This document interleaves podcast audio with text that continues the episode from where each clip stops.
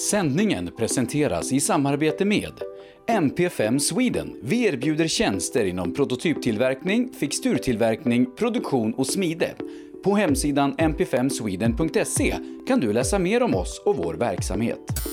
Nybe AB. Med bas i Småland är vi verksamma i södra Sverige med byggentreprenad för såväl stora som små projekt, för industrier, större fastigheter och villor. Tillsammans erbjuder kompetens inom byggnation, projektledning, planering, VVS, plåtslageri och kringtjänster som till exempel leverans med kranbil. Vi har även ett komplett byggvaruhus i Eneryda. Nybe är totalentreprenör som kvalitetssäkrar ditt projekt från idé till verklighet. Läs mer på nybeab.se. Nu har vi på rallyshop.se tagit nästa steg och breddat verksamheten ytterligare med den nya och mer kompletta webbshoppen apex.se. Vi har även tagit över ga1.se samt gpartners.se och hela utbudet finns på apex.se. Rally, racing, drifting, folkrace och all annan motorsport. Produkterna du behöver inför din nästa tävling finns på apex.se. Välkommen till Rådek! Vi är ett kunskapsföretag som arbetar med revision, redovisning och beskattningsfrågor. Våra kunder är företag inom de flesta branscher. Genom flera års erfarenhet har vi på Rådek lätt att sätta oss in i de flesta frågeställningar som uppkommer. Vi samarbetar med Sveriges ledande rådgivare inom våra kunskapsområden. För dig som är företagare vill vi på Rådek vara det självklara valet. Så precis som vi sa i början, välkommen till Rådek! Drive VXO för dig som trivs bakom ratten. Utbildning, event och konferens. Trafiksäkerhet, motorsport eller bara kul på hjul. Drive VXO because driving matters. Elinstanät är ett brett företag inom elentreprenadbranschen som erbjuder lastbilstransporter, alla typer av schaktmetoder och även schaktfri teknik såsom horisontal styrd borrning i både mjukmark och berg. Vi är Årets Företagare 2020 i Melleruds kommun. Vår ambition är kostnadseffektiva lösningar och hög kvalitet. Elinsta Nät. KJM Service säljer och renoverar Öhlins fjädring för rally, rallycross, crosskart, bana och gata. Vi utför service, renoveringar, hjulinställning och montering av fjädring samt kan hjälpa till med tips och inställningar vid test och tävling. Läs mer och kontakta oss via vår Facebook-sida KJM Service. AM Elteknik erbjuder tjänster inom el och kommunikation för företag och privatpersoner. JG Mark är ett företag som utför mark-, sten och betongarbeten. Läs mer på jgmark.se. PP Engineering. Vi säljer och levererar däck och fälgar från Yokohama Motorsport och Speedline. Vi är specialiserade på tävlingsdäck för rally och racing, men erbjuder även fälgar för lastbilar och däck för din historiska personbil.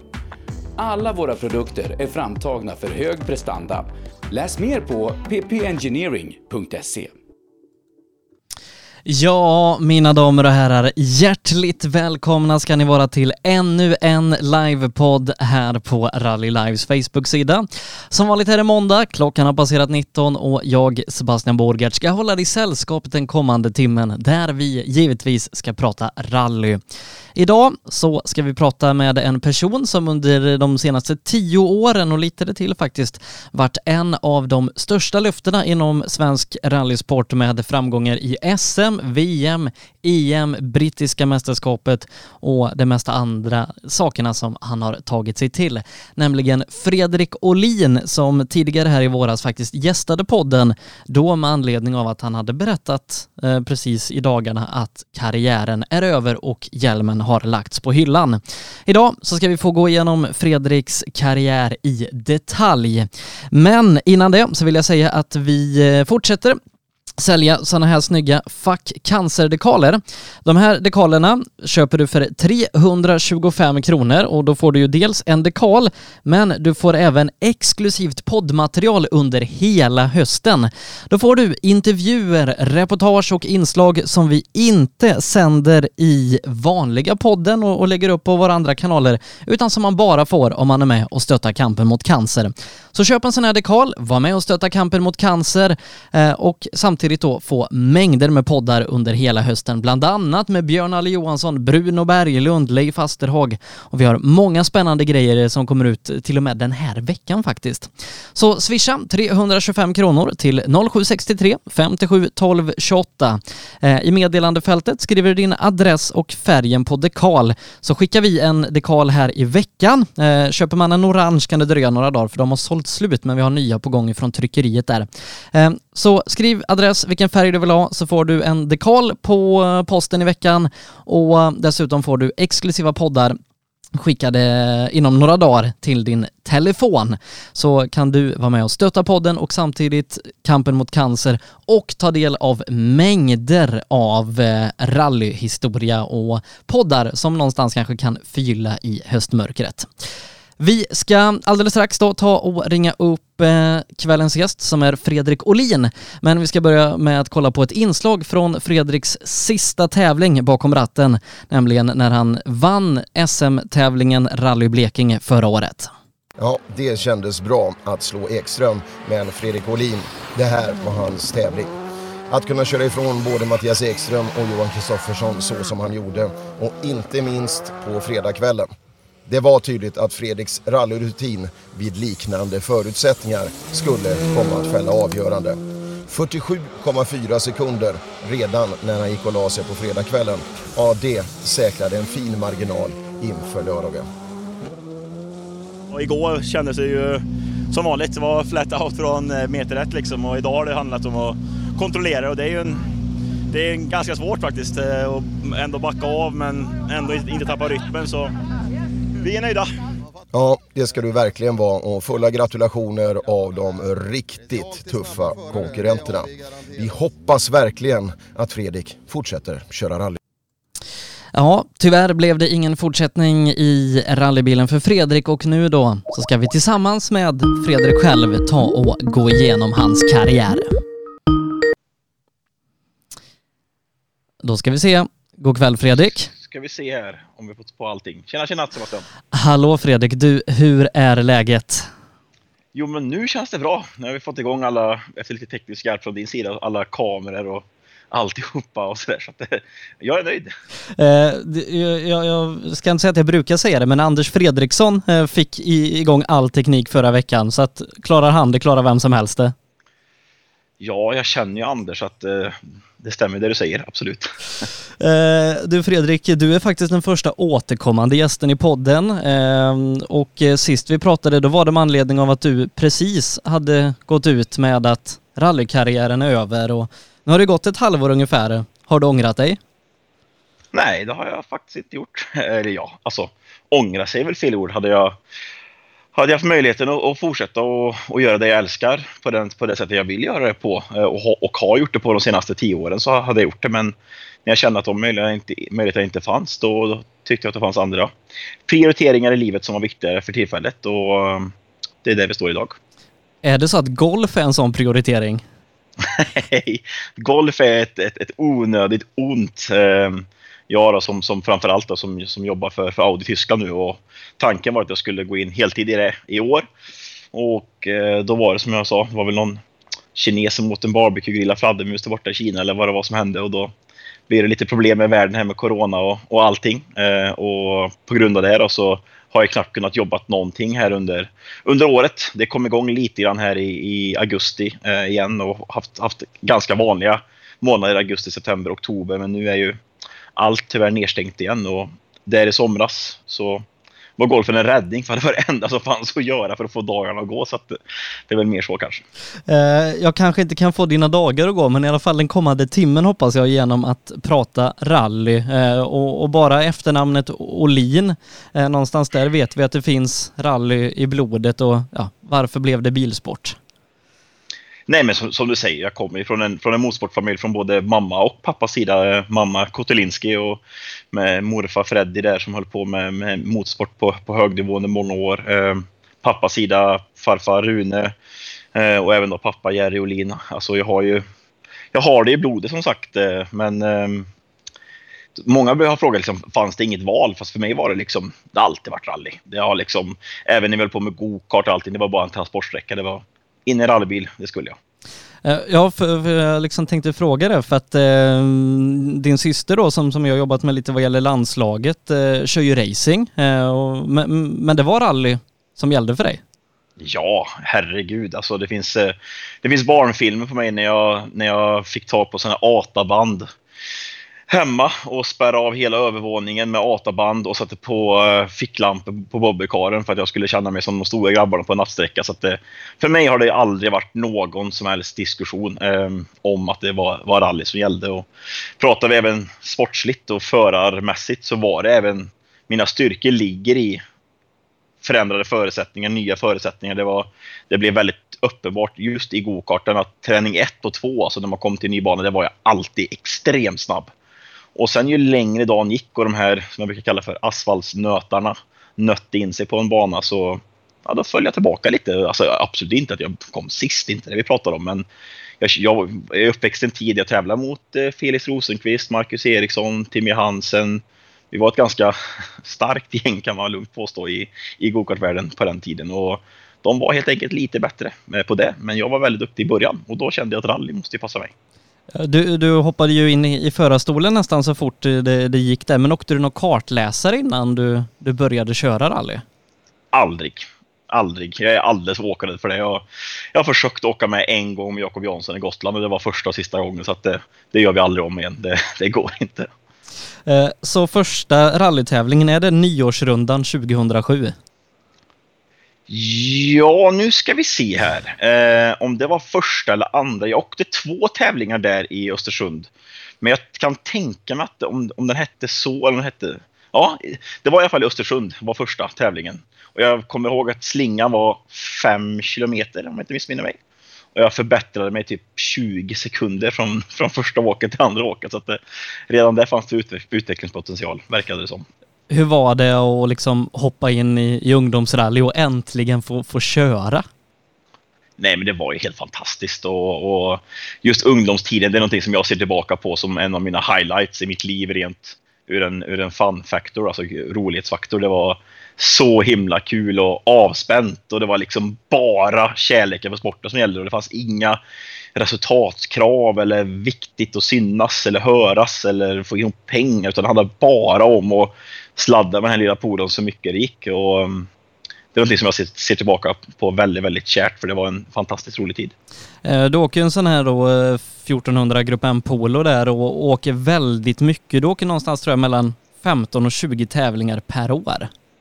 Jag tror nog att det är till och med nästan mer än så om jag ska vara helt ärlig. Jag vet att första vintern där när jag, när jag, när jag började åka då åkte vi oftast två tävlingar per helg. Då åkte vi, jag kommer ihåg att pappa och jag, för jag gick i skola på Arjeplog, och pappa tyckte att ja, men perfekt, på lördag går en tävling i Mojärv.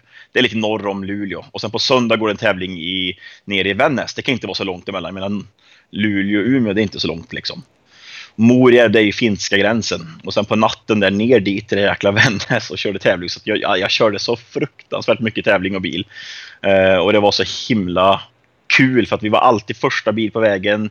100 kronor i startavgift. Eh, med den här lilla bilen, det slets ju inga däck alls. Så att vi kunde ju köra dag ut och dag in utan att det kostade för mycket pengar. Uh, och uh, du hann med ganska många kartläsare under de här två uh, ungdomsrallyåren va? Ja, inte, nej, nej, det tycker, tror jag tre stycken tror jag. Det var ju mamma försökte två gånger, pappa försökte en gång eller två gånger. Eh, och sen så var det ju Mulle Engvall då, Mats Engvall från, eh, från Gävle som blev den, som han kallar sig själv för, den första fabrikskartläsaren i ungdomsrally. Han fick flyga till tävlingar tyckte han det var fränt. Och det var, så att eh, Mulle åkte med mig mest, men det var nog bara de tre tror jag, om jag ska vara helt ärlig. Jag, jag har hittat resultatlistor där Joakim Söderqvist åkte med. Ja, men det är efter jag har fyllt 18 där. Okay. Det är precis när jag har fått körkortet eh, och börjat köra SM-tävlingar. Fortfarande i polon. Ja. Men, eh, men då var det på, på riktigt med noter så. Utan när det var ungdomsrally då var det mamma, pappa och så var det Mulle. Eh, hur var det liksom att, att få in alltså, så pass mycket rutin i högerstolen? Dels mamma och pappa, men, men som Engvall och, och Söderqvist besitter ju också oerhört mycket rutin. Ja, men det är ju jätteviktigt såklart. Och någonting som jag alltid trycker på mycket när jag pratar med både unga killar och sådär, liksom att eh, det här med rutinen från kartläsare men också rutinen för dig själv att skriva noter är extremt viktigt. Och om man vill så kan man nog gärna ringa både min pappa och, eller Björn Nilsson och fråga hur många mil egna noter jag skrev innan jag ens hade fyllt 18. Alltså vi åkte ut onsdagar efter skolan, ut och bara skrev noter. Bara nötte, träna, träna, träna, träna. För att min pappa som har varit i den här branschen visste hur viktigt det är med att ha ett förtroende för sina egna noter. Och när jag var 18 år gammal så, så var jag väl inte, jag var absolut inte färdig. Man blir aldrig färdig med noter, men jag hade nog säkert skrivit 500 mil reknoter i mitt liv kanske. Eh, men redan under de här liksom ungdomsrallyåren, eh, hur gick, hur gick tankarna att ta karriären vidare? För, för jag kan tänka mig redan när du satt i bobbykaren, då var det väl ett VM-guld som, som var målet? Ja, men det vet ju Sebastian. När man, när man var ung så, så var det ju det var ju ingen fråga om jag skulle bli världsmästare, utan det var ju bara när. N när skulle det hända? Liksom? Det var ju det var inga konstigheter tyckte man ju. Det här var ju, skulle ju bli hur enkelt som helst. Eh, det visade sig ju vara lite svårare än vad jag tyvärr trodde. Då. Men eh, där och då var det ju såklart. Det var, fanns en väg och det var bli världsmästare som gällde. Det var det enda som var, var viktigt just då. Eh, om vi liksom hänger kvar lite vid ungdomsrally där, vad, vad var de största lärdomarna som liksom du drog av att köra så intensivt i, i två år innan du hade körkortet i handen? En sak som, som jag lärde mig mycket av det, och det är faktiskt lite med notskrivningen som kom sen också, var att åka en hel del utan noter och faktiskt få se vad händer när du ser någonting som faktiskt inte är på väg att ske. Alltifrån alltså, luckor till eh, telefonstolpar och sådana här saker. Och det använde jag även mycket att när mina ögon inte stämde överens med vad som hände, då hade jag alltid tilläggsinformation om att någonting sker nu som inte du tror ska ske. Alltså det var en av fördelarna. Sen hände det ju väldigt mycket. Det blev mycket moment som man säger så. Men det gick ju ganska långsamt så man fick ju lära sig att reda ut det på ett ganska så i ett ganska så låg hastighet. Då. Ehm, det är väl en sak. Och sen kommer aldrig glömma som sagt min karriär som du har sett då på alla resultat börjar ju mycket uppe i Norrland. Snabba sträckor, rakt fram, hög hastighet. Och sen 2008 åkte ni till Karlskrona pokalet. Eh, skulle köra då eh, DM-delen av SM-tävlingen där. Och när vi kommer ner så alla pappa, mamma, Oskar Svedlund, min mentor, nere i Karlskrona, nere där nere, där är det krokigt, det är lurigt, det är stenmurar, det är alltihopa. Och jag då, odödlig som jag var tänkte att ja, ja, inga problem, det här löser vi.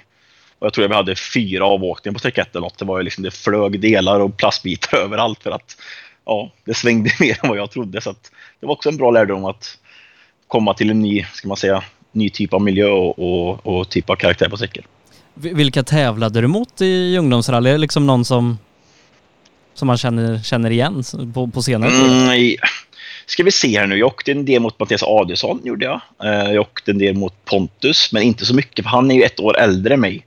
Um, han är 90, så att han klev ju upp och fick körkort tidigare än mig. Då. Uh, sen var det ju mycket duktiga killar uppe i Norrland. Oskar Brorsson var en kille som hette, som var väldigt, väldigt snabb. Um, ska vi se, Pelle Wilén körde ju en Suzuki också, var väldigt snabb. Andreas Johansson, uh, Mattias Adolfssons kartläsare, var också en duktig kille. Så det var många duktiga som höll på och körde runt. Uh, Kör du inte din första tävling utomlands också eh, i polon? Eh, måste vara hösten 09. Stämmer, Tyskland. Eh, så att, eh, nej det var ju, alltså när jag fyllde 18 så var det faktiskt så att jag första SM-tävlingen körde jag i Hässleholm. Eh, tre dagar efter jag fyllde 18 eller fyra dagar efter jag fyllde 18. Så att jag körde ju upp på torsdagen. Och eh, alla var redan nere i Hässleholm för jag skulle flyga ner för att köra tävlingen. Hade jag misslyckats med eh, uppkörningen så hade alla fått vända och åka hem. För då hade jag inte fått körkort och inte fått licens. Eh, så att eh, när jag väl tog körkortet, allting blev klart, så kom jag ihåg att jag fick låna min dåvarande flickväns pappas Volvo 240. Och jag skulle flyga från Luleå. Och det började med att jag fick börja med att köra för fort för att hinna till flyget, för att hinna ner och köra reken i Hässleholm. Så det var väl kanske ingen optimal start på mitt, mitt privata körkortsliv, men ja, så var det. Eh, hur var det att komma till Tyskland? Komma till Tyskland? Ja, eh, enda fördelen är väl att, som att jag är uppväxt med en mamma som är, har en tysk pappa och att jag har alltid pratat tyska i familjen. Så att jag kunde ju ändå språket till, till viss del. Eh, men det är klart att det var något helt nytt. Eh, här hemma när vi klagar på dåliga vägar då, då ska man ta sig ner till Lautis rally en regnig oktoberhelg. För att då kan det vara riktigt dåligt. Så att eh, det var en upplevelse och ja, um, återigen en, en en av alla tusen lärdomar man har fått dra nytta av för att bli en bättre rallychaufför. Eh, 2010 då, som man kan säga blir första, alltså hela eh, året då som, som senior. Eh, hur gick tankarna vad gäller bilval, mästerskap, klasser och så vidare? Ja, det är som alltid. Alltså, jag hade väl inte... Så hade jag fått val så hade jag väl fått en WC-bil. det var 18, men det fanns det kanske inte ekonomin för. Men eh, med hjälp av sponsorer, framförallt av familjen Svedlund och, och Lekab, så, så gjorde det sig möjligt att vi fick eh, loss den här Subarun då, som Oskar hade kört med i SM under, och VM under två år. Va? Den eh, föregående eh, varianten, N12 hette den va? Mm. Eh, och nej, men det fick vi väl höra en hel del kritiska röster om att sätta en 18-åring från en 1400 Polo in en Grupp M-bil med bästa, bästa förutsättningar att det, det kommer aldrig gå vägen. Han är för ung, det kommer, han kommer bara krascha och, och så. Det fick vi väl höra en hel del och det var väl kul att få de som var våra kritiker att smälla dem lite på fingrarna där i början.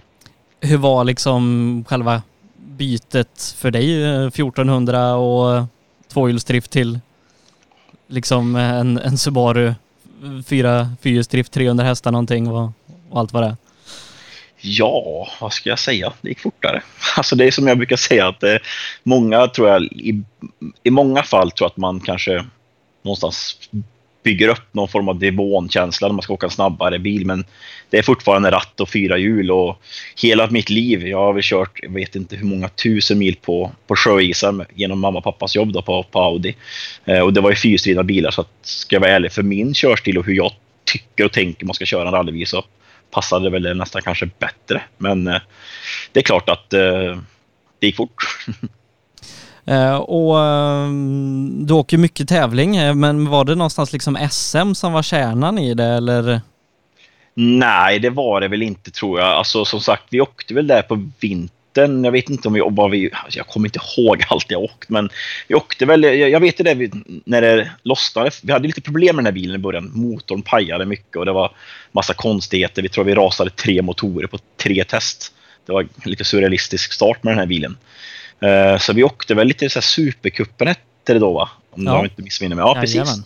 Uh, Supercupen och lite sånt här och så åkte Jocke Söderqvist med men uh, han skulle åka med sin bror och lite fram och tillbaka och så fick jag hjälp då med lite däck av och bättre pris av Pelle Palmqvist på Yokohama-däck. Och då rekommenderade han en kille som heter Håkan Jakobsson. Um, och lite där började våran resa ihop då, uh, där vintern 2010. Och sen åkte vi väl Sandviken tror jag och sen blev det väl mer SM efter det. Men i början var det nog mest bara fokus på att få köra tävling. Eh, se om du, om du kommer ihåg det, Finnskogsvalsen 2010. Eh, vet du, det glömmer man inte. Vet du vem som var enda bilen som var före dig i mål? Ja, det vet jag. Petter Solberg det har jag mycket stenkoll på. Men det viktiga Sebastian är att han körde inte samma tävling som mig. Det är det viktigaste av allt. Jag tog min första totalseger. Det är det viktigaste av allt det här. Att han var före, det vet jag. Men, men han var, han, han, jag hade tur att han, att han skrev egen motor så han fick inte räknas i tävlingen. Det var viktigt för mitt hjärta. Uh, hur var det att, att få vara totalsegrare? För det tror jag är någonting som, som alla, alla drömmer om oavsett om, om det är liksom ja, Finnskogsvalsen eller knäckebrödsvängen eller vad det är? Ja, alltså det, det var ju lite surrealistiskt för, för grejen var att på den tiden hade man inte, jag hade i alla fall ingen telefon och kunna kolla live-resultat och sådär och, och vi var ju, jag var ju C-förare då så jag startade ju bra många bilar bakom de andra. Så jag körde väl på lite där bak och det var Mats Jonsson var med och det var en massa duktiga killar med så att det fanns väl liksom inget fokus på det utan och då hade vi också haft alla de här problemen med bilen så att det var lite grann bara att få den att funka var lite målet för den dagen. Och det är klart att vi hade ju koll på lite hur det gick, men sen när vi kommer i mål där det är massa fotografer och kameror och du har vunnit. Och jag tänkte, ja, jo, jag har säkert vunnit min klass, för jag var väl ensam förmodligen, men när det visade sig att vi hade vunnit totalt, då, blev, då var det lite fränt faktiskt.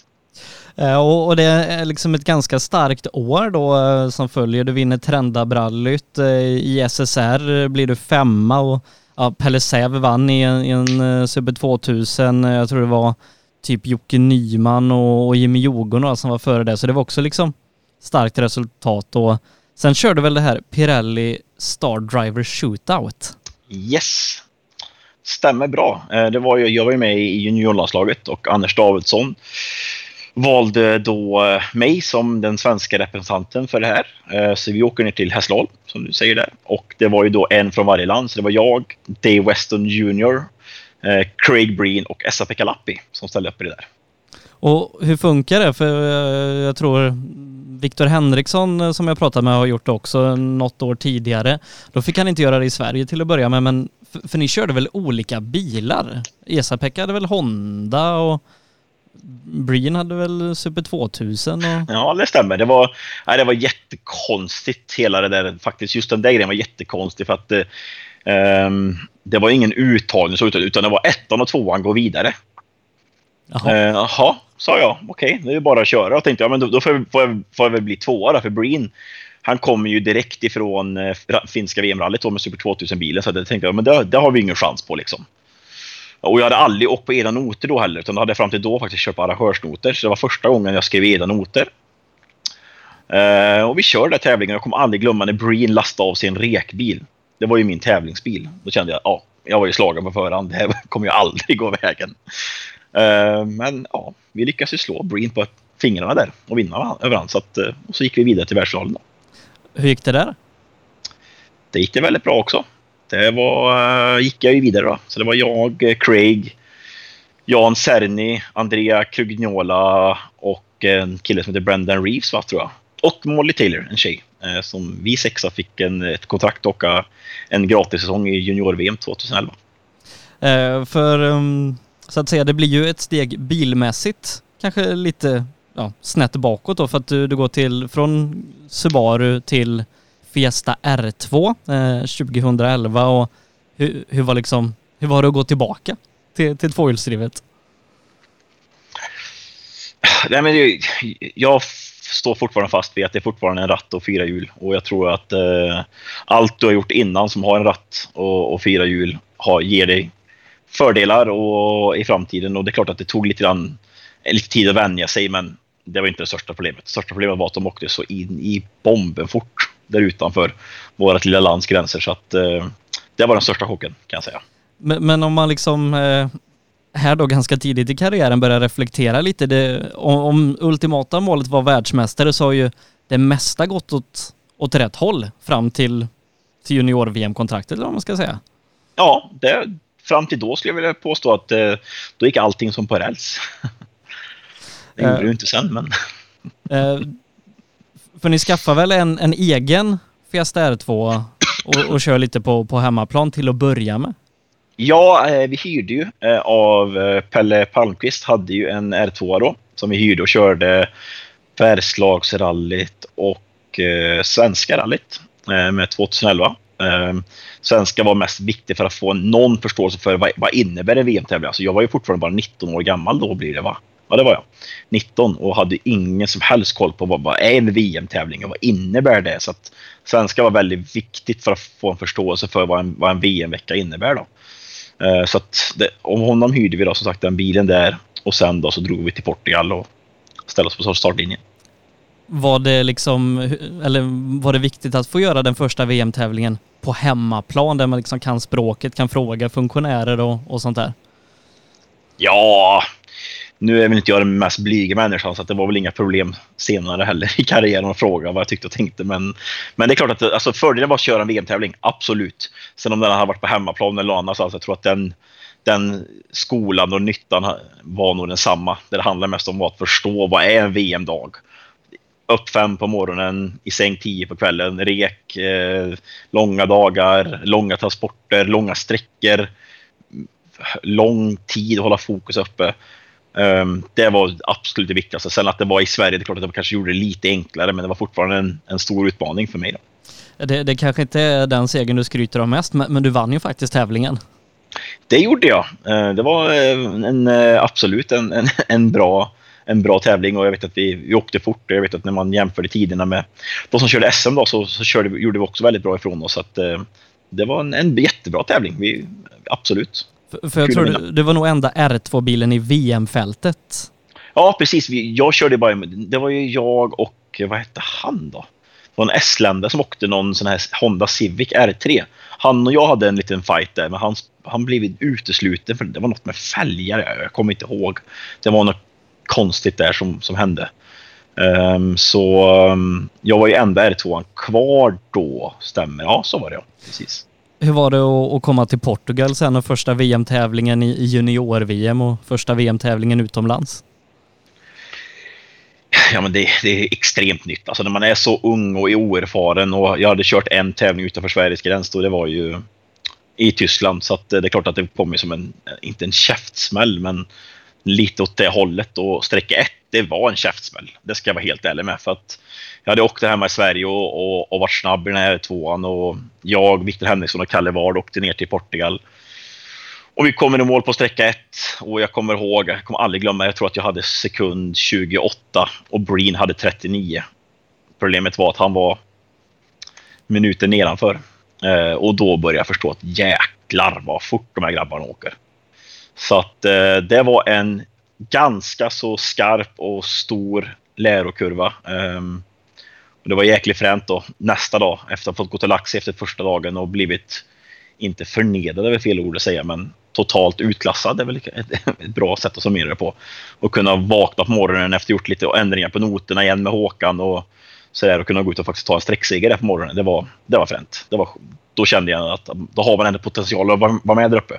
Sen att jag körde livet ur mig och tog varenda risk som jag tagit i hela mitt liv på en och samma sträcka. Det är väl som det är, men farten fanns det att kunna utmana de här grabbarna i alla fall. Eh, liksom eh, mentalt och psykiskt, hur, hur, hur blir du i den typen av situationer? Ja, men när, när du får svart på vitt att här har du inte hängt med. För, för vissa kan det ju bli liksom en nedåtgående spiral, men hur, hur liksom tacklar du det? Kanske inte just specifikt då, men överlag i din idrottskarriär? Ja, hur ska jag uttrycka mig? Det där är lite grann, det beror helt på faktiskt. Alltså, kommer jag i mål och är missnöjd över någonting, allt från däckval till setup, till körning, till noter, om man liksom har någonting att, att, att ta på, um, då har jag lärt mig med åren också att tackla det mycket bättre.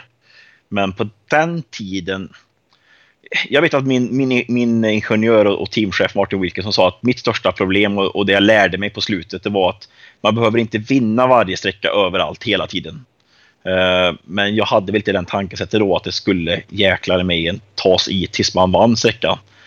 Och tyvärr slutade det ofta mer i skogen än, än i sträckseger på den tiden. Så att eh, det är väl en av de lärdomarna som jag har lärt mig att man måste inte alltid vinna en sträcka för att, för att vinna tävlingen eller för att vinna ett mästerskap. Um, men å andra sidan kanske var det just den, den ska man kalla det för, passionen för att, att ta den här sträcksegern som gjorde att jag faktiskt lärde mig extremt mycket och höjde mitt tempo till en nivå som sen höll väldigt långt i väldigt många olika serier och klasser.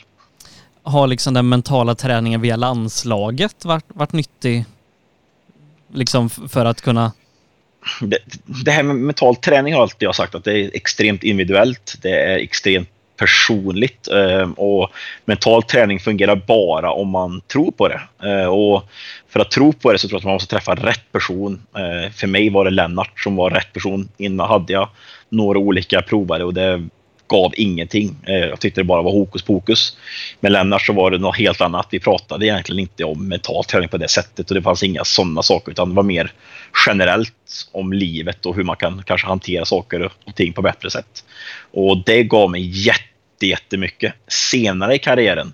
Och hade jag träffat Lennart tidigare kanske vi hade sett annorlunda ut idag, vad vet jag. Men eh, på den tiden så hade de kanske behövt lite av den, den typen, ja, det kan nog stämma. Uh men du kom väl inte i mål i Portugal?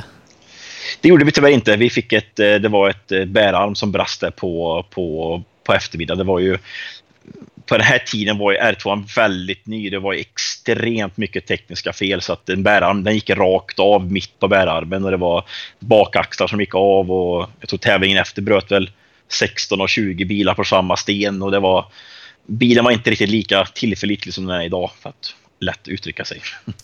Eh, sträckseger i, i första tävlingen i Portugal och pallplats i Sardinien. Yes. Uh, hur var det att, att, få stå på pallen i en VM-tävling? För det blir trea i Sardinien. Mm. Ja, det här finns ju två sidor av myntet på den här, på den här tävlingen. Alltså Sardinien som sagt då, så det var ju en tävling där alla bröt. Alltså det stod i bilar högt och lågt och vi körde ju hela fredagen med en styrväxel som hade slagits av ifrån fästet och satt fast med bara spännband emot subframen. Så bilen styrde väl mindre bra kan man väl lugnt uttrycka det sig som. Så när vi kom i mål på fredagen, vi visste ju inte jag och Björn vart vi låg. Om vi var etta, tvåa, sjua. Det fanns ju bara tre eller fyra pilar kvar om jag inte kommer ihåg fel. Så att vi låg i tvåa då. Och det här är extremt, ska man säga, mentalt utmanande för att på morgonen där så när vi startar, så jag startar sträcka ett, så startar Christian Rideman framför mig. Och när han går av kopplingen på sträcka ett, då går hans drivaxel av. Så att när jag kliver ner i startgropen på sträcka ett på lördagen, då leder jag alltså min första VM-tävling. Och jag tror jag snurrade och åkte av fem gånger på den sträckan eller något åt det hållet. Tappade över en minut. Det var ju, jag var ju så stressad så det fanns ju ingenting. Och det var väl en sån erfarenhetsgrej som kanske idag hade man inte brytt sig om man hade kört på som vanligt. Men då, då tog kompressen väldigt fort till mig kan jag säga. Um, så att, att vi ens tog oss i mål den tävlingen var bara tur, för vi hade kunnat brytit fyra gånger om på den sträckan där efter han bröt. Då. Det ska jag vara helt ärlig med att säga. Hur, eh, hur duktig var du på att köra asfalt i, vid den här delen av din karriär? Faktiskt så var, måste jag säga att det, det gick faktiskt väldigt bra ganska fort. Det tror jag kommer från mina gokartår. Att det, där, eh, kommer ihåg Tyskland blev ju då min första asfaltstävling på riktigt. Då. Eh, jag, jag, fick ju åka i Ypern, eh, Rally Yper, där under midsommarhelgen för att få lite erfarenhet. Eh, återigen då med Pelle Palmqvist R2. Och eh, ja, det var kul. Det var en, en bra tid. Ja, eh, för, för, just det liksom eh, IRC som det är då, Yperrallyt, är det en tävling jag har liksom eh, jag var inte på plats med ganska starka minnen för att jag satt då och lyssnade på IRC-radion varje sträcka för att du och PG Andersson körde. Så jag satt mm. där i, i tre dagar och bara uppdatera ja, sträcktider och lyssnade på radio. Men, men, jag tror inte du kom i mål i, i Yperrallyt och, och PG, PG körde av på sista sträckan så att det blev, det blev väl ingen bra midsommar Nej, det var en drivaxel som rökte frost. Om inte jag kommer ihåg fel. På sträcka 18 eller någonting. Så att, eh, den tävlingen bröt vi med. Eh, men avslutningen liksom av JVRC-säsongen bryter i Finland, sexa Tyskland, åtta Frankrike, trettonde Wales och blir tia i mästerskapet. Liksom hur, hur såg du tillbaka på, på det första JVM-året där och då? Ja, alltså hur ska man, hur ska man uttrycka det? Som Portugal bröt vi med, med tekniska problem. Eh, vi kommer till, till, Italien och kommer i mål och får en bra placering. Eh, Finland åker jag av, jag rullar ju, så det är väl ingenting att, att skylla någonting på. Eh, I ehm, Tyskland där så är vi nöjda med, med, placeringen. Det var min första tävling upp med Morten, så att vi sexa var vi supernöjda med. Frankrike kommer jag inte ens ihåg vad som hände om jag ska vara helt ärlig, men jag har för mig att vi startade om, men det, ja, jag kommer inte ihåg riktigt. Eh, och i Wales där så var det en drivaxel som gick av igen då, så att av de här sex tävlingarna så var det i alla fall två gånger som, som bilen svek oss på tekniska fel. Och det är klart att det hade väl kunnat sett lite annorlunda ut i totalresultatet om inte det hade hänt. Uh, men uh, ni väljer att, köra en, en ny säsong i, i junior-VM och då blir det väl, då bekostar du den själv nästa år då va? Ja, precis exakt. Så att uh, med de pengarna vi ska man uttrycka sig, sparade under 2011 eh, på grund av det pris jag fick så kunde vi jobba ihop så vi hade råd att åka 2012 då. Och då skulle vi vinna vet du, men det gick ju åt helskotta. Eh, du var liksom inne på det samarbetet med Mårten, han blir, blir permanent för, mm. för säsongen 2012 och eh, ni åker ju ganska många år ihop så hur, hur fann ni varandra? Nej, men det var väl, jag vet inte hur jag ringde honom och frågade om han var sugen och han brann för det och, och eh, på den tiden så var det väldigt viktigt att få tag på någon som kunde hjälpa till med det ekonomiska, inte att betala så, men som kanske kunde ta tiden att åka de här tävlingarna utan att behöva få betalt för att man vände ju på varenda krona som, som fanns. Så att vi fann varandra väldigt fort och Morten och jag blev vänner och är vänner för livet efter de här åren ihop och jag är väldigt tacksam för den tiden han la ner. Eh, hur var det liksom att, komma till första VM-tävlingen 2012 med alltså vissa väldigt bra insatser förra året och liksom vet att när det, när det klaffar då kan du vara med i toppen. Hur, hur var mindsetet inför Portugal som var premiär det året också? Nej, men att vinna. Det fanns väl inget annat på kartan än att vinna. Så att, eh, och det bestämdes för att det skulle vi göra. Och eh, om man liksom börjar med, med Portugal, hur var det först och främst att komma till en tävling för andra året i rad? Det märker man en jättestor skillnad på. En helt annat lugn och en helt annat liksom, känsla för att man, man vet var service ligger, man vet hur sträckorna ser ut, man har ganska bra koll på vad som, vad som komma skall och det visar sig ganska fort. Vi, vi ledde ju där efter, efter första dagen inför, inför dag två eh, i klassen och liksom det, den chansen hade aldrig funnits för ett år sedan. Eh, den chansen hade aldrig funnits om jag inte hade varit där tidigare. Utan just den känslan och tryggheten att ha varit där förr gör en och ger det en extremt stor självförtroende och säkerhet i det, i det du gör. Så att det, det är, alltså erfarenhet i rally, det är allt. Det skulle jag säga. Det är allt, allt, allt. Men tyvärr så vinner ni inte den tävlingen va? Nej, eh, tyvärr så, så det blev ju ett regnväder utan dess like. Som, så vi, vi åker av det på, på um, första dag, eller dag två. In, in, lera rätt in, in, in en vägg och slår av styrstaget. Startar om, tar väl en del sträcksegrar. Så vi kommer väl därifrån med en femte ändå tror jag och en hel del sträckpoäng. Så det var väl ingen katastrofstart på året, absolut inte. Eh, du, du kör ju några tävlingar hemma i Sverige och eh, bland annat South Swedish Rally eh, och jag var liksom inne och tittade lite på, på sträckresultaten där. Du leder efter SS2 totalt i tvåhjulsdrivet, du kör då en R2-bil. Du yes. tiondelslika i, i tvåhjulsdrivet efter SS2 med Jimmy Olsson och efter SS3 leder du med en sekund före Leif Pettersson i, yes. i en R2 då mot Coroller och Volvo och sånt där. Då. Det måste ha varit häftigt ändå. Ja, det var jättehäftigt. Eh, synd bara att det, det var en, det var någon, jag kommer inte ihåg vad som hände, det var, det var någon gammal vattenkyla till växellåda som pajade. Så vi fick ju bryta det med motorras då tyvärr. Eh, motorn överrättades, men det var ju klart att det var jättehäftigt. Men som jag säger, jag, när, jag var, när man var ung så liksom man fattar inte riktigt sånt där. Man tyckte bara att men så här ska det vara. Jag, jag åker likadan bil som dem. Det, det driver på två hjul. Nu kör vi. Man var liksom, man var inte, man tog inte åt sånt där. Det var bara nu kör vi liksom. Det fanns inget annat. Eh, man var inte så smart kanske. Det är väldigt bra. En bra summering tror jag. Kanske. Eh, men, men, men, lite så med att se det i backspegeln, eh, liksom ändå jäkligt starkt jobbat i, i den typen av bil. Ja, precis. Det var ju, det var ju som det, om man hoppar händelserna i förväg, 2013 körde vi också med, den där, med en R2 och lyckas vinna totalt i tvåhjulsdrivet i Östersund på SM. Det är sådana saker kommer jag ihåg nu efterhand att ja, men det var fränt. Och klara av det liksom före Söderqvist och grabbarna på vinter, vintervägar. Det, sånt var fränt, är fränt i efterhand, men som jag säger, där och då, man, man tänkte inte så, utan det var bara VM som gällde. Det var det enda som var viktigt. Man var alldeles för enkelspårig om jag ska vara helt ärlig. Eh, Akropolis i, i Grekland åker du ju mm, för första gången där då 2012. Eh, hur, hur är den tävlingen att köra med en R2-bil? Ja, det är ju som att, det är som att köra cross country med Formel 1-bil ungefär. Det slår och sten och, och överallt. Och mm, jag kommer ihåg, vi, vi går ut på sträcka ett och vi, vi ska ta det lugnt. Liksom. Det är absolut ingenting. Och i första, första bromspunkten in i en, in i en hårnål vänster så ligger en sten mitt i spåret som slår till hasplåten som spräcker tråget. Så vi, så vi bryter tävlingen på sträcka ett efter tre kilometer tror jag. Och då fick man förstå vad alla snackade om att Akropolis är en, en bildödare. Det var, ja, det var helt extremt. Jag har aldrig varit med om något liknande förut. Eh, vi, vi, var liksom inne på lite mentala bitar och grejer där innan. Eh, ja, fram till 2011 så, så hade det gått liksom i, i spikrak riktning dit du ville. 2011 kanske liksom saktade ner utvecklingen lite men, men liksom fortsatte i, i rätt väg. Men när du står där någonstans halvvägs genom 2012 och tappat ledningen där i Portugal och det här i Grekland. Hur, hur, hur var det då?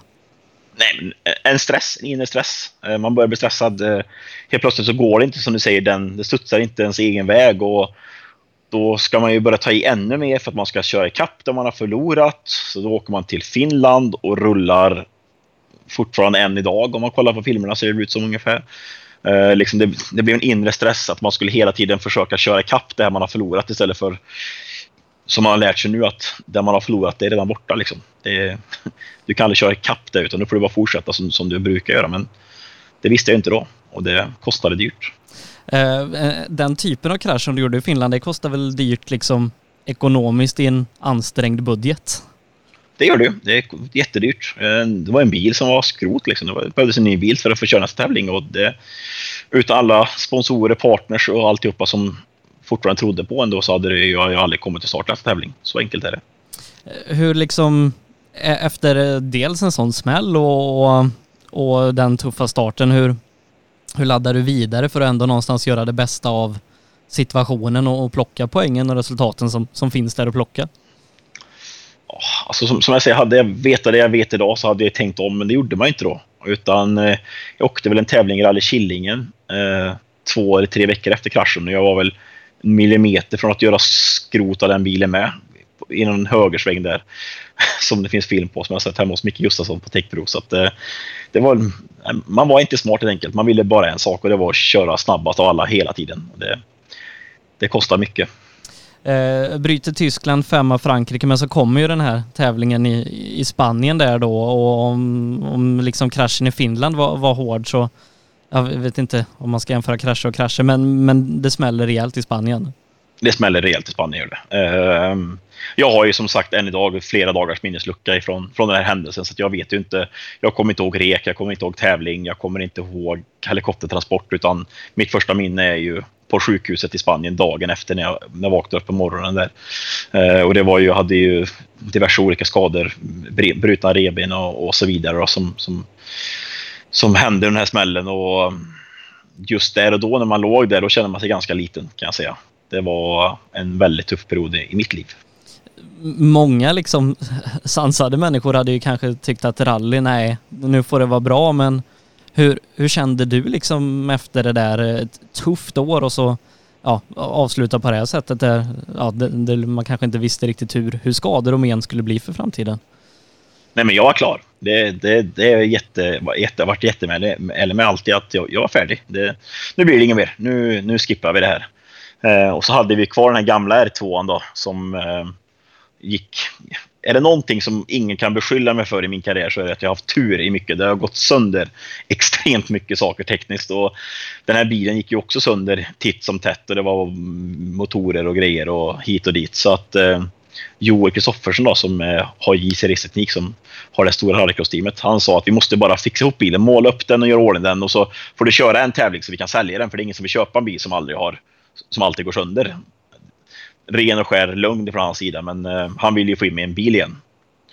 Så under den vintern höll vi på att måla och fixa och trixa och sen så körde vi en tävling uppe i Östersund och så insåg vi hur extremt kul det är med att åka rally. Jag hade helt glömt bort varför jag höll på med det här. Jag hade tappat glädjen för sporten och den kom tillbaka där och då och då kände jag att nej, det här ska jag fortsätta med var du liksom, eh, ja men, när man är med om en sån grej, eh, smäller så, eh, så bör, man börjar kanske tänka, eh, prioritera saker i livet och så vidare, men var du rädd, nervös eller någonting innan du skulle släppa kopplingen i Östersund? Nej, faktiskt inte det på vintern kände jag inte av någonting faktiskt, utan det var när vi åkte Rally Söland, eh, första sommartävlingen, då kom det. I början är jag också så sakta så att jag tror att jag hade kunnat gått av mig själv med med, med hur jag brukar köra. Eh, för att då tyckte jag träden stod väldigt nära vägen. Det var läskigt. Eh, på vintern med snövallar och så här, då, var faktiskt, då tänkte jag aldrig någon gång ens jag kände av det. Men, men Rally Sörland, första sommartävlingen, då var det, då var det läskigt. Men, men jag kan tänka mig när du gick in i 2013 där då att det fanns ingen plan vidare framåt? För någonting, fanns inte någonting. Utan vi bara skulle köra de tävlingar som verkade kul och just med fokus på ordet kul. Hitta glädjen igen varför man håller på med det. För den hade försvunnit helt och totalt under 2012. Så att eh, vi hade ingen plan på någonting. Eh, men, men, du blandar lite, eh, kör Fiesta R2 då, i Sverige, Norge, Finland, du är i Lettland en sväng. Eh, framförallt då starka resultat i SM, snabbaste 2VD totalt i Östersund, vinner eh, otrimmade klassen i, i SSR. Eh, och, och sen så blir det fyrhjulsdrivet. Ja, precis. Vi körde ju en tävling där i Finland också som du, som du nämnde och, och lyckades, åkte dit med en gammal VW Transporter och, ett, och en presenning och lyckades faktiskt vinna R2-klassen där i Finland. Och då var det han som hade D-Mac, D-Mac eh, återförsäljning i Finland tyckte att det här verkar vara en jävla cool svensk som kommer över och vinner över alla finnarna på deras hemmaplan. Um, så han ringde mig och sa, vill du komma och köra Lettland för oss? För D-Mac. Och det tyckte jag, ja men det gör vi. Så då fick jag med mig Stefan Gustafsson som åkt mycket nu med Lundström på slutet. Och vi drog över dit, eh, körde Tyvärr så gick bilen sönder igen. Eh, det var tråget som sprack den gången med. Eh, men efter det så fick jag ett samtal från Dick Cormack som då dåvarande, eller nuvarande ägaren för D-Mac sa att fan, vill åka sista tävlingen i SM i en fyrhjulsdriven? Absolut, sa jag. Och så började vi jobba på det och fick till den här Super 2000-starten. Och eh, du, kör ju Skoda Super 2000, SM-finalen Uppsala 2013. Eh, du ligger tvåa inför sista sträckan, tiondels lika med Ramona Karlsson. Eh, och då, då är Jerker Axelsson en bit före så, så jag, liksom, jag vet inte om segern fanns eh, liksom på tapeten där och då, men, men det hände ju någonting med Jerker och det visade sig att ni är alltså, det skiljer ingenting mellan dig och Ramona inför sista sträckan i fighten om ledningen Mm. i slutändan. Ja. Nej, men eh, den som, som vet i Uppsala, det, det var ju en sträcka som var extremt snabb. Och det här var ju Super 2000-bilen och jag visste redan att på Ramona och Jerka hade jag alltid tappat ganska mycket tid på de här snabba sträckorna. Jag vet att eh, Mats Torselius hade ju en Corolla där. Han hade väl topphastighet på, om, jag har för mig Sofie Lundmark la upp en bild på det, på 200, jag vet inte hur snabbt, men massa kilometer i timmen. Och den här stackars Skodan gick väl 165 om jag inte kommer ihåg fel eller någonting.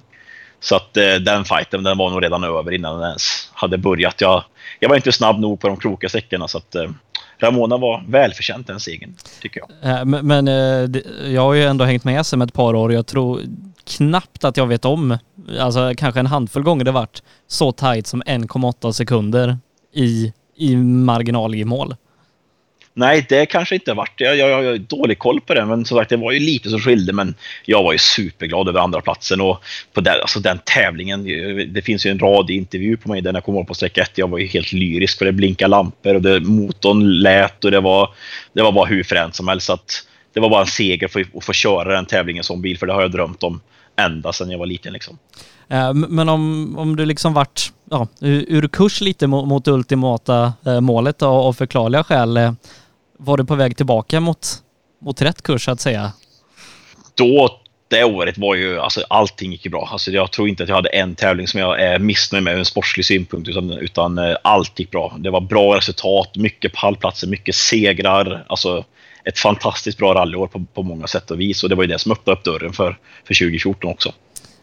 För då får du mer förtroende av, av Demak va? Yes, precis. De ringer och säger att de vill ha mig i tredje bilen ihop med Kettum och, Tänak i VM. Ehm, och det är då jag lär känna Martin Wilkinson då, för första gången i Svenska rallyt då, 2014.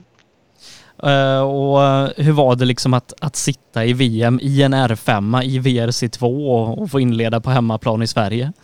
ja, men det är ju en dröm som går i uppfyllelse. Jag tror att det finns nog ingen 2014, då jag är 23 år gammal. Eh, jag tror inte att det finns någon 23-åring som håller på med den här sporten som hade tackat nej till en, till en sån chans att få vara i teamet med Kettuma som är en väldigt erkänd snabb chaufför och börja den här tävlingen och liksom bara jobba sig uppåt och komma in i det mer och mer och på slutet börja ta sträcksegrar och grejer. Alltså det var ju liksom, jag tror inte ens att de hade drömt om det, att det, att det skulle kunna gå så bra som det gjorde. Det var, ja, det var jäkligt fränt.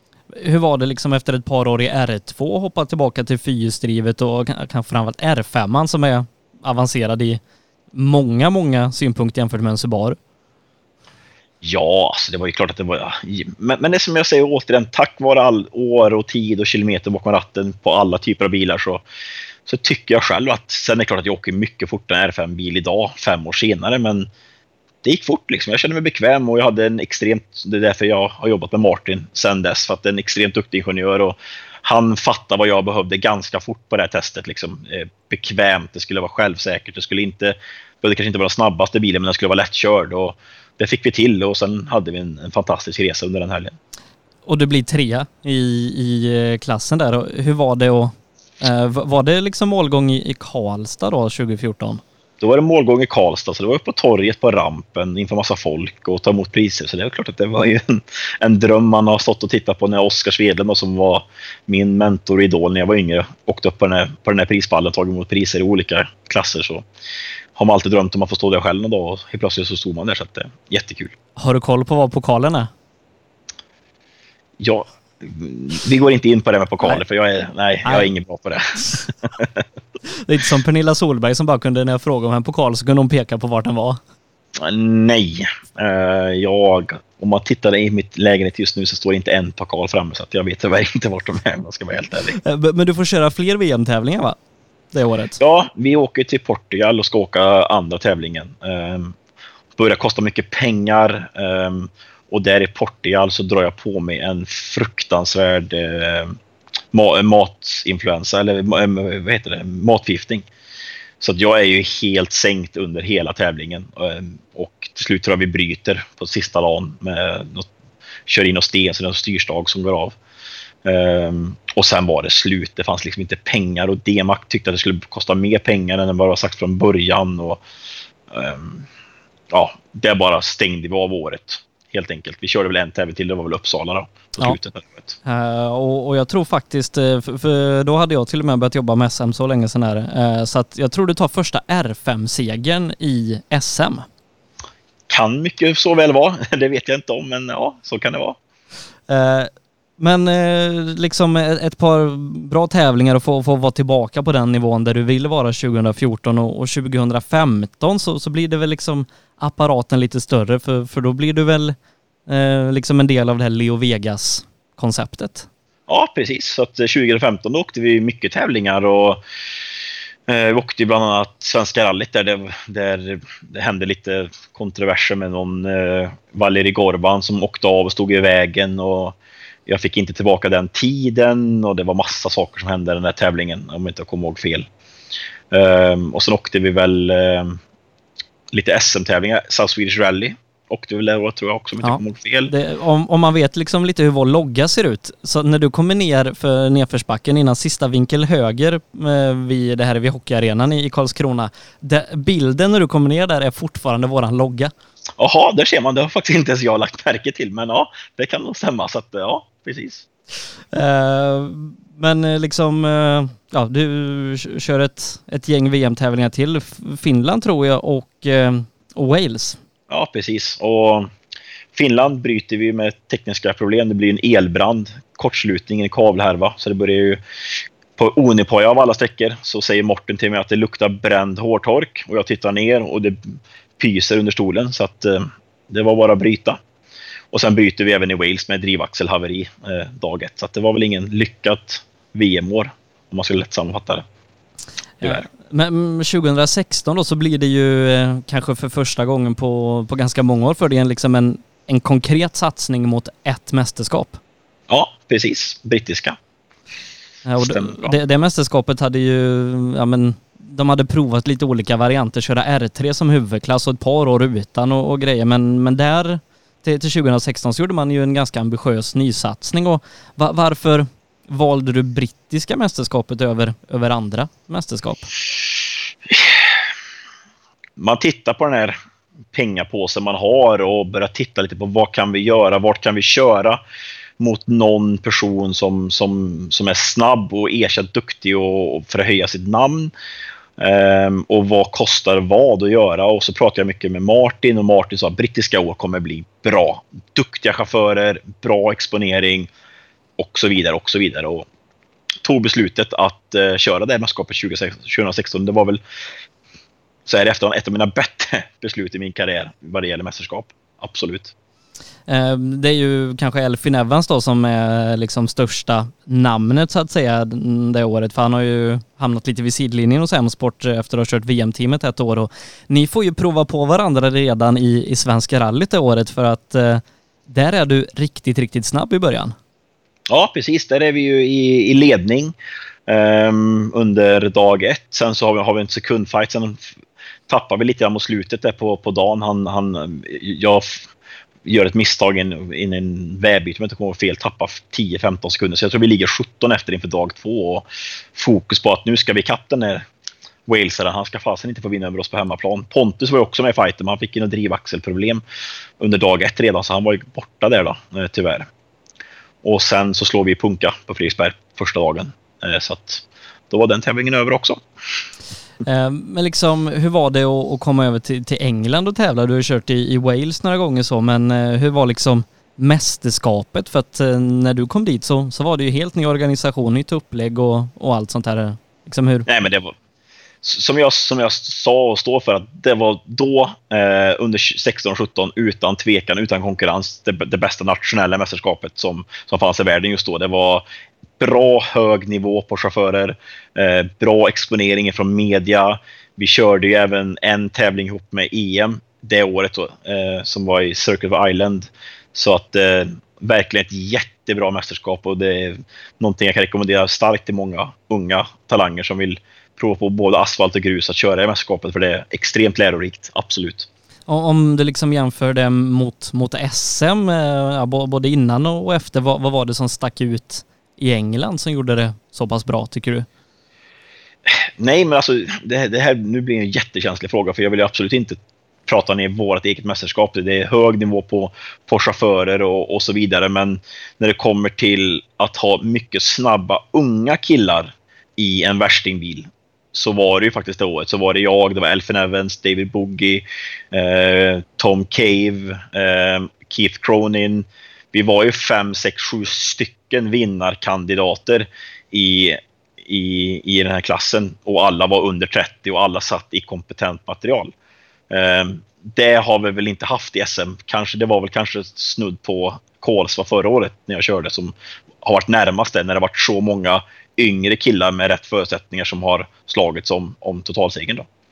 Uh, ja men det, det är liksom någonstans bara, bara se att uh, gå, gå händelserna lite i förväg men uh, Elvin Evans vinner det året och ska mm av allt att döma bli världsmästare i år. Eh, om, ja, om, om, inget oförutsett händer. Så det, det, det, tyder ju någonstans på, eh, på, på klassen där. Ja. Och, och, han åkte ju inte dit och körde ifrån oss så det, så det sjöng om det. Utan jag menar, eh, i Mid Wales ledde jag länge före honom innan han tog, tog över segern. I Pirelli så, så bytte vi sträcksegrar innan han tyvärr sen då fick en punktering. I Circus Island på asfalten hade jag inte så mycket att säga till om, men då fanns det andra killar som var där och, och visade honom vart skåpet skulle stå. Så att eh, det var som sagt eh, en extremt hög nivå på mästerskapet och det var jäkligt kul och lärorikt att få vara där. Eh, tvåa, eh, som sagt eh, i Mid Wales som inledde säsongen. Eh, får med ganska många nollor tyvärr, men segern där i Pirelli-rallyt med, med Jokern gör att du får bra poäng och, och blir eh, fyra i mästerskapet. Eh, hur liksom, ja, såg du tillbaka på, på den säsongen? För att det gick ju inte kanske stolpe in i alla tävlingar. Nej, men alltså det, det, var ju en del egna misstag. Eh, någonstans där efter segern i Pirelli Rally eh, så skulle man ju ändå, så skulle vi ju, skulle, man ledde mästerskapet efter tre tävlingar. Före Elfin så var det ändå liksom att fan, kanske det går ändå att slå han, men det, det gick inte. Framförallt när vi började komma på asfalten så var han, var han helt oslagbar för, för min del med min, med min rutin då. Eh, men ehm, sen återigen där i det som händer i, i Isle of Man det året, det är liksom det går inte ens att berätta på film hur man, hur det liksom, hur, vad som händer där. Det är en, det är en, alltså den behållaren som håller i bromsväskan ramlar ner, fastnar mellan bromspedalen och en databox. Så varje gång jag bromsar så trycker jag ur kontakten till databoxen som släcker hela bilen så all intercom, all kommunikation mellan mig och Morten, all display, allting blir kolsvart. Vi kommer upp på en lång raksträcka. Ehm, jag tror, jag hör inte motljudet, jag växlar ner för snabbt och får ett motorras. Det, är liksom, det går inte ens tror jag, på film att beskriva hur oturligt det är. Eh, hade vi bara kommit mål i en tävling hade vi faktiskt kunnat blivit två det året. Ehm, så det var väl ett år som jag kommer ihåg väldigt mycket just Isle of Man, att det var det gick inte riktigt min väg där kan man säga. Men, men liksom eh, Evans då som någonstans fortfarande var mer eller mindre fabriksförare eh, för M-sport och du körde Ford första året. Hade ni liksom lika förutsättningar? det får du fråga någon annan om. ja, absolut, absolut. Eh, på tal om bilar, eh, en fortsättning i brittiska mästerskapet blir det ju 2017, men i en Skoda. Yes, precis. Jättekul. Eh, så att, eh, ja, väldigt roligt år.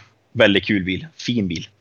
Va, varför blev det Skoda? Vi, vi vet ju kanske kopplingen till, till VAG-gruppen inom familjen så, men det har ju varit Ford ganska många år. Ja, det och sen att det var ju den bästa bilen då. Det fanns liksom ingen diskussion om att Skodan var den bästa allround-bilen för tillfället och, och det visade sig väldigt snabbt. Jag kände direkt med Skodan att åh herregud vad mycket mer lätt det var att få sträcktider utan att behöva köra, köra livet ur sig.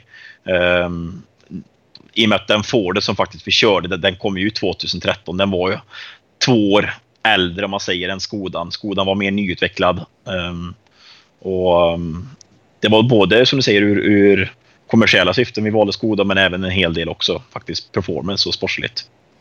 Ny kartläsare också, eh, Torstein. Jajamän, Torsten hoppa in. Fick en, en till glad norsk i högerstolen. Eh, och eh, ni, börjar ju väldigt starkt det året också extremt starkt. Alltså herregud vilken start på året med seger, seger, Eh, ledning tror jag eller någonting åt så hållet inför sista, sista sträckan där i Skottland. Så att ja, det var ett starkt år. Sta- stark start. Och som sagt bryter Skottland.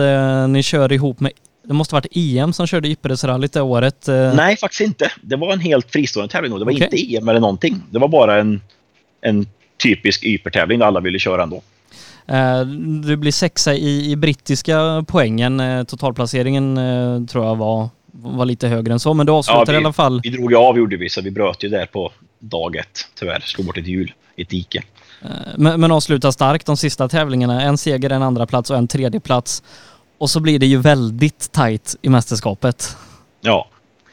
Nej, men alltså, som jag har sagt, att folk får säga vad de vill, men, men jag anser mig ha haft en hel del otur och, och oförtjänt otur i, i min karriär. Och, vi hade inte ens behövt åka till Isle of Man om, om, om, det här, om inte ehm, eh, vattenpumpen där hade pajat i, i, i Skottland eller kylan eller vad det var till slut som, som, var, som var anledningen till det. Eh, jag har kollat på den Inkar-filmen en miljon gånger för att försöka komma på vart går den här kylan sönder. Och det, jag är mitt på vägen på en raksträcka och sen så får vi bara upp ett meddelande att, att motorn håller på att överhettas. Vilket gör att vi måste åka till Isle of Man och ta en tredje plats och en andra plats för att ta hem mästerskapet. Um, och i Isle of Man, på, det var ju två deltävlingar i en. Hade det varit en deltävling så hade det varit kört ändå. Så det var, det var väl räddningen då. För under första deltävlingen när vi ligger och slåss med Edwards om att, om att bli tvåa så rasar min framdiff. Så vi kör ju hela två, två sträckor då, med bara bakhjulsdrift. Så där tappar vi den. Som tur är nollställs i tävlingen poängmässigt inför dag två. Och eh, då är jag stressad. Det är nog första gången hela året som jag var stressad. För jag trodde att jag hade det här i, i en, i en, som hand i en handske. Jag, jag tyckte att det här kommer gå vägen. Um, och snurrar på samma sträcka som Keith Cronin, drar rakt upp i någon häck där och kommer ut med blotta förskräckelsen. Och sen kommer vi till den här sista sträckan då. Där alla vet vad som hände. Eller jag vet vad som hände i alla fall. M- Men du blir tvåa i mästerskapet med en poäng. Och en tiondel. Ja, och eh, vi, vi har ju liksom pratat om, om andra eh, nederlag och sånt i, i karriären, om, ja, kanske inte ska kalla det men någonstans när det inte studsat som du vill, men hur, hur var det? vad ska man säga? Det är väl liksom, som jag säger, är liksom, alltså, hade vi bryter två kilometer från mål i Skottland, hade inte det hänt så hade, aldrig ens, hade vi inte ens behövt haft den här diskussionen. Eh, och vi kommer till Isle of Man och då går det sönder någonting igen. Ehm, och, och sen då att falla med en poäng och en tiondel, för det är det det handlar om i slutändan. En tiondel för att jag förlorar mästerskapet med en poäng. Jag, jag vinner mästerskapet med mest poäng, men med borträknade tävlingar och så vidare så, så förlorar jag mästerskapet med en poäng och en tiondel. Det är klart att det går inte ens så. Om det var tajt att förlora en tävling med 1,8 sekunder så är det betydligt tajtare att förlora ett mästerskap med en tiondel. Det, Ja. kan, jag, det kan jag säga dig.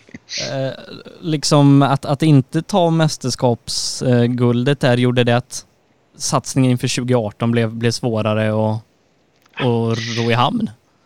Ska jag vara ärlig med dig så hade jag suttit här ändå om jag hade vunnit det här guldet. Så att eh, rent pratar vi det här ungdomsmålet när jag var liten och åka VM, VM och bli världsmästare, det hade inte ändrat någonting. Eh, han som blev, blev brittisk mästare, Keith Cronin, eh, som är en extremt duktig chaufför, han körde ingenting alls året efter. Så att, eh, eller om det var en eller två tävlingar, sen tog hans pengar slut. Så att, tyvärr så, om man, om man pratar rent vart, vart målet var när man var liten och blev världsmästare, det hade inte ändrat någonting. Det enda som hade ändrat var att jag hade kunnat säga att jag var brittisk mästare nu idag. Istället för att, att jag var tvåa. Eh, 2018 då så um, blir det en satsning mot EM. Eh, det är väl någonstans det som är med huvudmålet med, med säsongen 18. Ja, det var det väl. Alltså, då körde jag ju som sagt för Demac och de bestämde mycket vad, vad vi skulle köra, vart vi skulle köra och vi försökte oss lite på i Sverige här för att visa upp vinterdäcket eh, som de hade och vi körde lite grus i Sverige, South Swedish Rally. Eh, vi körde Italien på asfalt och sen, vi körde sen Lettland då, på grus. Så att det var väl egentligen inget fokus på något mästerskap. Det här junior, EC, junior-EM och jag åkte bara tre tävlingar det året. Då. Och Azoren också gjorde vi som sagt. Som, som sagt då. Eh, Och det var väl inget jättefokus på något utan det var mest på att få åka tävlingar och, och visa produkten för olika, olika mm, delar av världen. Eh, men- om man ser till, till tävlingarna i Sverige så, så är det ju ett par liksom starka tävlingar. Eh, seger i, i Vännäs efter fight med Adielsson och minns också liksom tävlingen i, i Östersund med, med dig, Jörgen Jonasson och Adelsson inför Hus och Sandviken, ett, eh, liksom eh, någon slags uppgörelse där och så segern i SSR då så att det är ändå starka insatser på hemmaplan. Ja, men absolut. Och, och det var ju som, som alltså D-Mac, det är, eh, vi är eller var, vi är, vi är en liten tillverkare och det är klart att det var väl inte optimalt när vi körde SM så körde vi med ett, ett traktormönstrat vinterdäck. Eh, det kanske inte är det man använder oftast på en, på en fyrhjulsdriven bil men det var det vi hade och jag tycker att däcket levererade riktigt bra och vi hade mycket bra resultat ihop så att det var väldigt bra liksom på många, många sätt. Ehm, men hur ska jag uttrycka mig på ett politiskt bra sätt? Det märktes ju när vi kom, kom till Svenska rallyt att vi var inte där med däcket. Det, framförallt VM-däcket. Vi, vi var inte på den nivån som behövdes för att kunna utmana och det, det, det gick helt enkelt inte. Det var jättetråkigt och jättebesvikande, en besvikelse men det, är lite det, det var de som stod för fiolerna, det var de som såg till att jag kunde köra så att jag är väldigt tacksam för det. Uh, om, man, om man ser till det internationella uh, så en tredjeplats i Lettland är som, som bästa resultat och Eh, liksom hur, hur är den tävlingen att, att köra Lettland? För att det är väl, även om det är lite likt här uppe i Sverige så är det väl lite snabbare också? Ja, det är ju extremt snabb tävling så att eh, det var en intressant tävling på många sätt. Men eh, ja, nej, men det var en fin snabb tävling, bra, välarrangerad eh, som alla EM-tävlingar. Alltså det finns ingen EM-tävling som är dålig utan det extremt bra. Sen, sen, sen, så är det ju det som är Lettland som är lite lurigt. Det är just underlaget med sand, lite sandigare kanske än vad man är van vid här hemma då och så där. Men snabbt, väldigt snabbt. Eh, hade du några planer inför 2019? Ja, eh, vi jobbade väldigt hårt för 2019 för att kunna köra en EM-satsning med rätt förutsättningar för att kunna utmana. Det blev eh, väldigt uppenbart under just Lettland-tävlingen att det fanns vissa saker som behövde förändras så att vi skulle kunna vara med och slåss där uppe i toppen. Så eh, 2019 jobbade vi stenhårt för att få till det och när jag märkte i mars att det, vi inte ens halvvägs så då vred jag av nyckeln, bestämde mig redan där och då att nu är det färdigt. Nu, nu orkar jag inte mer. Uh, pratade med mina sponsorer och så fick vi till de här tre SM-tävlingarna. Eh, hur var det liksom efter de här ändå åren i, i ja, lite VM-tävlingar, EM, brittiska och komma, komma tillbaka till Sverige och då möta Johan Kristoffersson, Patrik Flodin, PG Andersson och också lite senare Mattias Ekström? Ja, men jättekul. Alltså jag har ju, har ju gjort det många gånger, kommit tillbaka och kört SM i Sverige mot eh, snabba, duktiga, talangfulla chaufförer. Och det var ju väldigt nervöst. Jag, skulle, klart, jag hade inte suttit i en tävlingsbil på tio månader och Flodin och Johan de kom direkt ifrån rally-VM-tävlingen i Finland. Vi, vi körde en test där på veckan innan bara för att få bort det värsta av rattrosten och sen så var det 3, 2, 1 på sträcka 1 och så var det bara att köra. Men eh, det gick ganska bra i Kolsva för du ledde ju tills du fick bromsproblem med jag tror en och en halv eller två sträckor kvar att köra. Ja, precis. Att, äh, återigen var det här lilla tekniska strulet där på min sida. Det var vi, det är nog ingen som riktigt vet vad som hände, men det började läcka, bromsledningen började läcka inne i bilen. Eh, så att eh, jag märkte det på starten inför den sträckan att pedalen var liksom när jag stod på startlinjen, för det var nedför, att den, den sjönk lite grann. Jag tyckte det var jäkla konstigt, för så har det aldrig varit förut.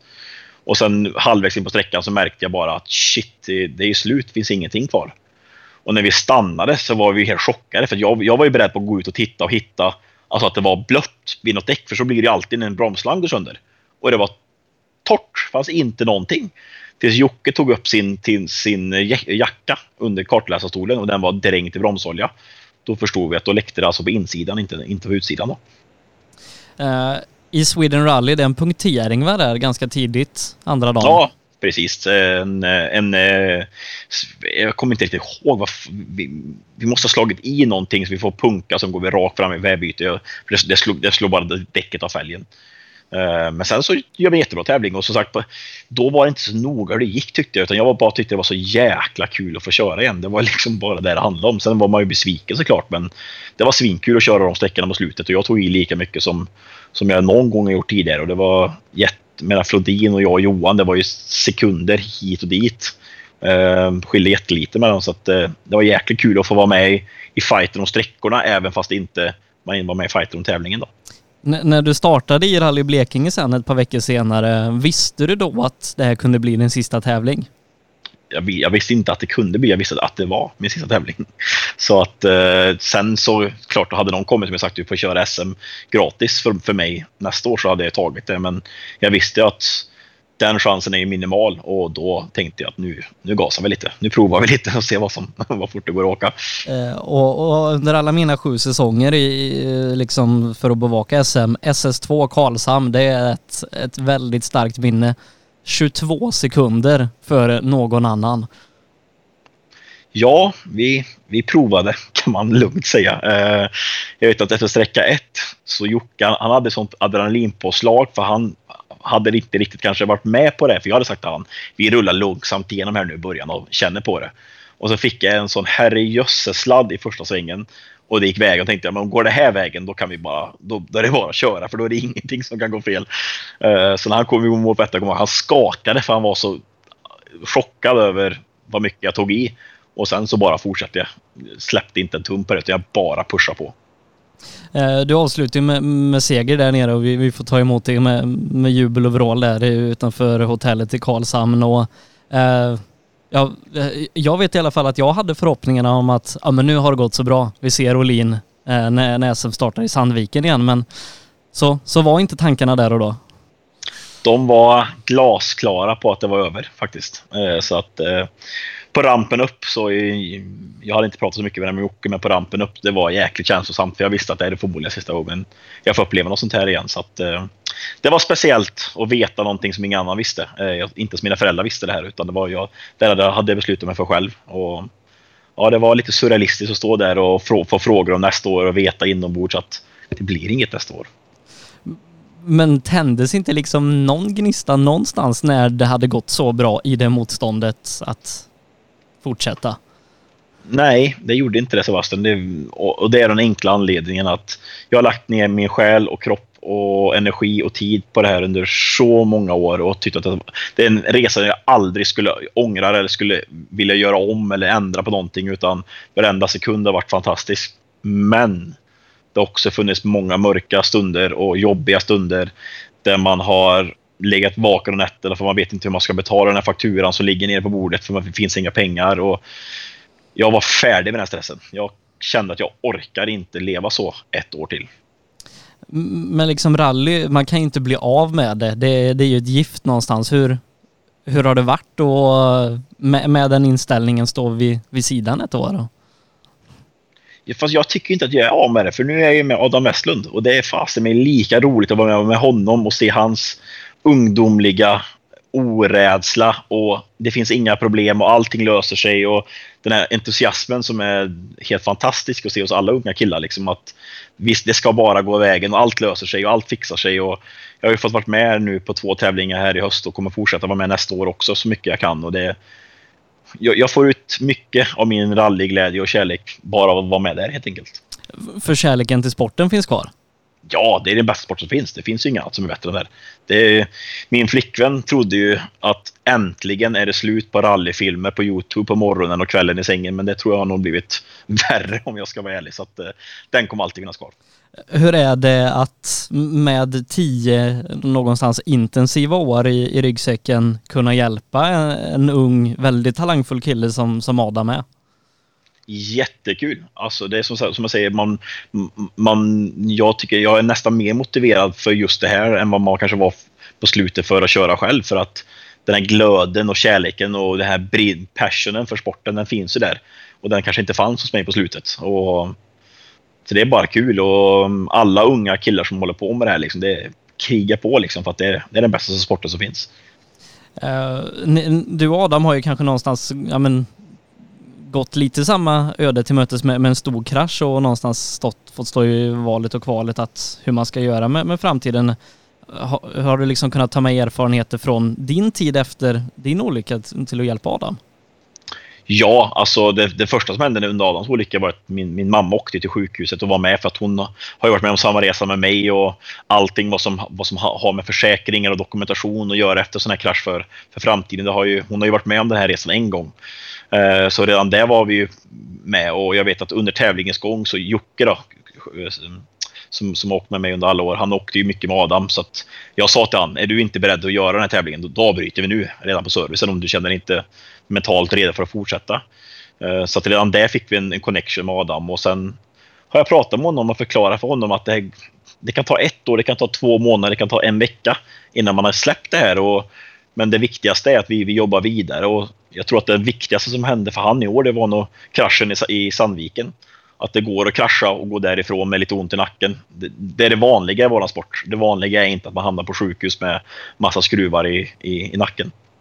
Eh, och det, det, var också väldigt kul att liksom ta emot honom i Linköping utanför Saab Arena när han hade tagit första pallplatsen i SM efter det här. För att eh, eh om Joakim Elden Landberg var, var, glad på sitt sätt så, så var Adam glad på sitt sätt och, och jag tror att den var, var lika mycket glädje om, om inte mer nästan ja, det var jättekul att få vara, vara med där och få uppleva den. Och vi jobbade så hårt under hela veckan och, och för att han, han vill ju, han vet ju, men det är ganska lätt för en ung kille som honom att titta tillbaka på sträcktiden han gjorde innan olyckan i, i Sydsvenska rallyt och, så, och sen så kommer han tillbaka och så finns inte riktigt de tiderna där och jag har bara försökt att mana till lugn att det kommer när det kommer. Det går liksom inte att tvinga fram utan och det var så kul att se där på slutet när det började gå fortare och fortare och han och David började dra mer och mer på smilbanden och nej, det var väldigt kul att vara med om det faktiskt.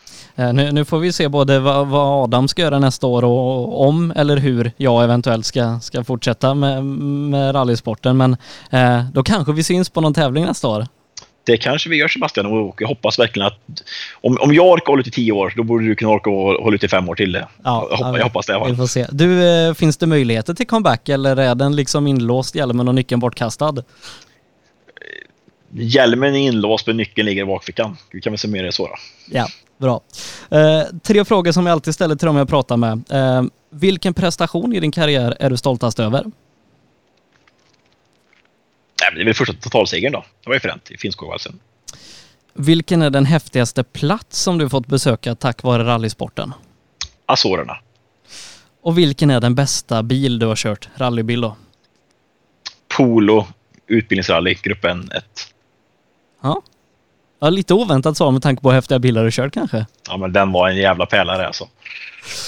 Uh, du Fredrik, det, det, var din karriär sammanfattad på lite drygt 70 minuter. Ja. Det tog lång tid att få, upp de 70 minuterna, men det var, det var roliga 70 minuter.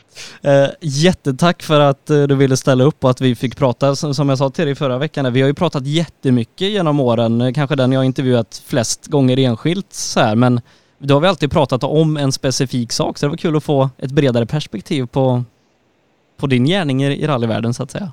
Ja, och det är jättekul att få dela med mig om allt man har fått upplevt och hoppas att de som har lyssnat och tittat på det här har fått uppskattat och fått, fått, fått hört saker de kanske inte visste om tidigare. Uh, du, har en jättefin kväll. Ta hand om dig så hoppas jag innerligt att vi, vi syns på en rallytävling snart igen. Det gör vi säkert. In, inom gamsvängen och hals brukar man säga, så det gör vi säkert. Uh, tack så mycket Fredrik. Ha det bra Sebastian. Hej då! Ja, mina damer och herrar, som sagt, eh, där fick vi prata med eh, otroligt ödmjuka och trevliga Fredrik Olin och någonstans gå igenom och sammanfatta hans karriär lite grann. Eh, innan vi avslutar så vill jag återigen påminna om att vi säljer sådana här fack cancerdekaler i samarbete med Sunnyside Experience. Man kan köpa en sån här och givetvis då stödja kampen mot den fruktansvärda sjukdomen cancer. Samtidigt som man också är med och stöttar eh, programmet och eh, får exklusiva poddmaterial och intervjuer som den vi hörde med Fredrik precis, eh, fast sådana som vi inte sänder eller lägger ut i våra övriga kanaler. Så att genom att swisha 325 kronor till 0763 57 12 28 eh, och i meddelandefältet skriva sin adress och färg på dekal om man vill ha vit, orange eller guld så eh, stöttar man kampen mot cancer genom att köpa en sån här snygg dekal som man kan sätta på sin bil eller husbil eller ge bort i julklapp kanske. Ett bra tips så. Men du får även exklusiva intervjuer. Alla vi gjort tidigare under hösten, alla vi gör fram till årsskiftet får du skickat till dig också så att du kan ta del av ännu mer rallyhistoria eh, nu när det kanske blir lite mer lockdown-liknande klimat här i Sverige framöver. Eh, så kan man göra, stötta kampen mot cancer och ta del av mycket rallyhistoria samtidigt genom att då köpa en sån här dekal för 325 kronor. Eh, jag vill som sagt tacka så mycket för visat intresse idag. Jag vill tacka mina sponsorer som är med och ställer upp och gör de här programmen möjliga. Jag vill tacka MP5 Sweden, Apex, Nybe, eh, Rodec, Drive VXO, PP Engineering Yokohama, Elinstanät, Eh, och alla andra som är med och gör de här poddarna. Eh, JG Mark, AM Elteknik, eh, inte heller att förglömma. Utan de här sponsorerna och ni som lyssnar och köper dekal och allt sånt så hade de här poddarna inte varit möjliga att göra. Så ha en fin vecka, ta hand om er, glöm inte social distansering, tvätta händerna och allt sånt där. Så hörs och syns vi på måndag igen.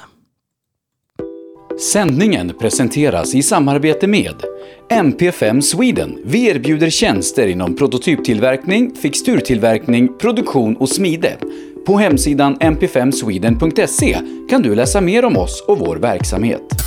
Nybe AB, med bas i Småland är vi verksamma i södra Sverige med byggentreprenad för såväl stora som små projekt, för industrier, större fastigheter och villor. Tillsammans erbjuder kompetens inom byggnation, projektledning, planering, VVS, plåtslageri och kringtjänster som till exempel leverans med kranbil. Vi har även ett komplett byggvaruhus i Eneryda.